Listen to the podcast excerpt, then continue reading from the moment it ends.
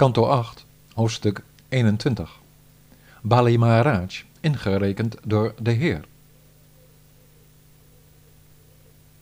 Sri Shuka zei, Hij die op de lotus verscheen, Brahma, zag vanuit het oord van de waarheid, vanuit Satyaloka, hoe het licht van zijn verblijf was versluierd geraakt en was afgezwakt door de gloed van de Heer zijn teennagels, en dus, o God van de mensen, benaderde hij hem samen met gezworen brahmacharis, zoals de wijzen aangevoerd door Marichi, en met Sanandana en de andere Kumara's.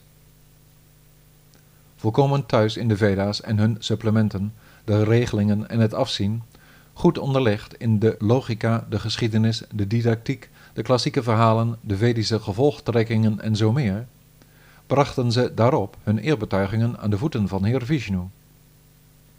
Dat deden ze samen met andere bezoekers van wie het vuur van de spirituele kennis was aangewakkerd door de winden van de yoga en die, vrij van vruchtdragende activiteiten, het hemelverblijf van de uit zichzelf geborenen hadden bereikt door eenvoudig op hem te mediteren.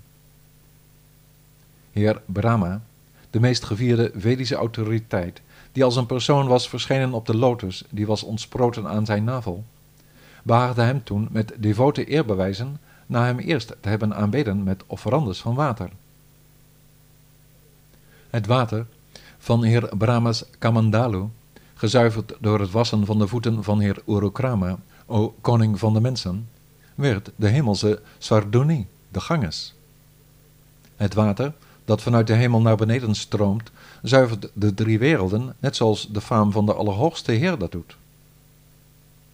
Heer Brahma en de anderen zij die de heersende godheden van de verschillende werelden waren, hadden het grootste respect voor hun meester Vamana en brachten met al hun volgelingen de benodigdheden bijeen voor de aanbidding van de oppermachtige ziel die nu was verschenen in een gereduceerd formaat.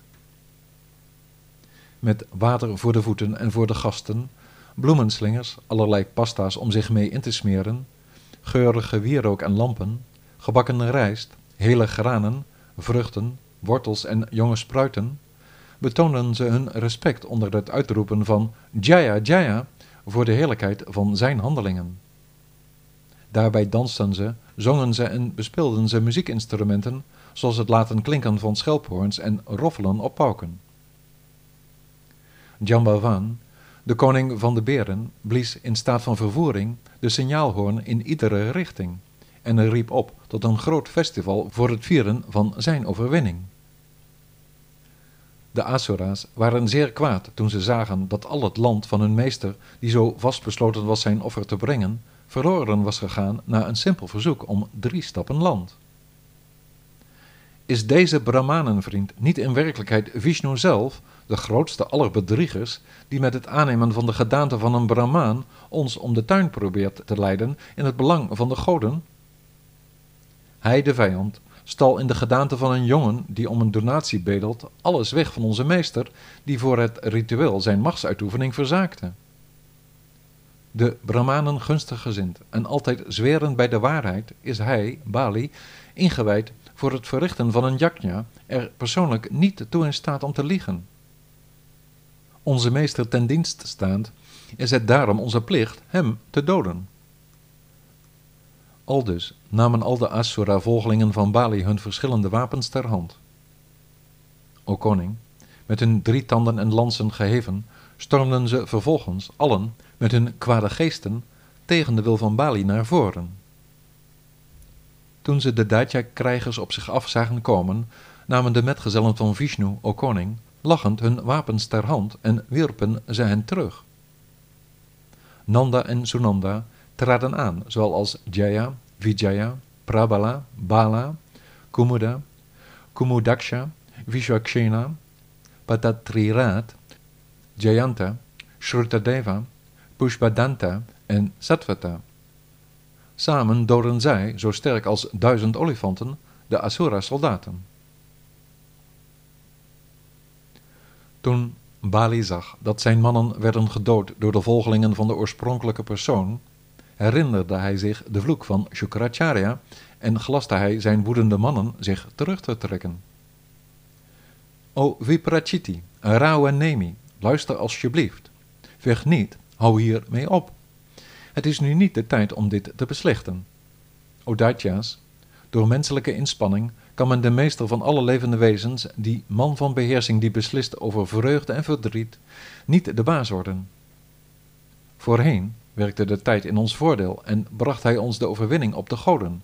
Maar vandaag werkt de tijd, die de grootste macht in ons bestaan vormt, tegen ons. Niemand is ooit de tijdfactor de baas, met geen enkele macht, raadgeving, slimmigheid, verdedigingswerk, toverspreuk, kruidenmengsel, diplomatie of op welke andere manier dan ook. In het verleden was het lot jullie gunstig gezind en slaagden jullie erin vele volgelingen van Vishnu te verslaan. Maar vandaag roepen zij, die wisten te gedijen, dat ze ons versloegen in de strijd. We zullen ze verslaan als het lot ons gunstig gezind is. Daarom moeten we wachten tot de tijd weer in ons voordeel werkt.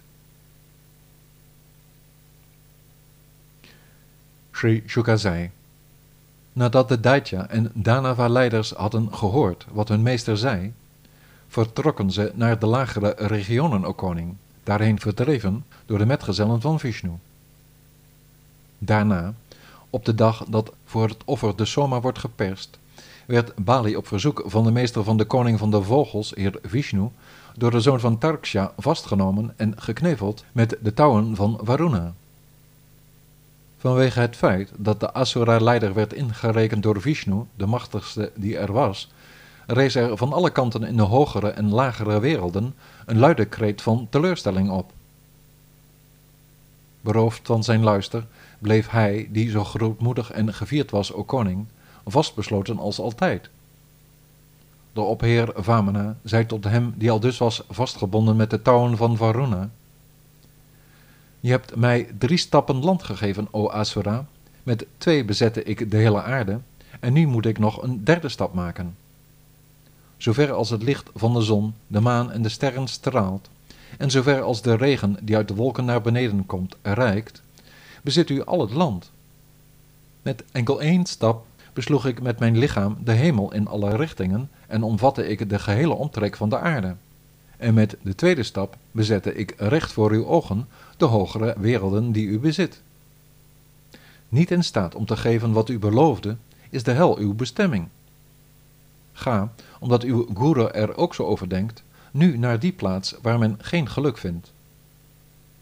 En ieder die iemand met een verzoek teleurstelt door hem niet te geven wat hij hem beloofd heeft, komt ten val.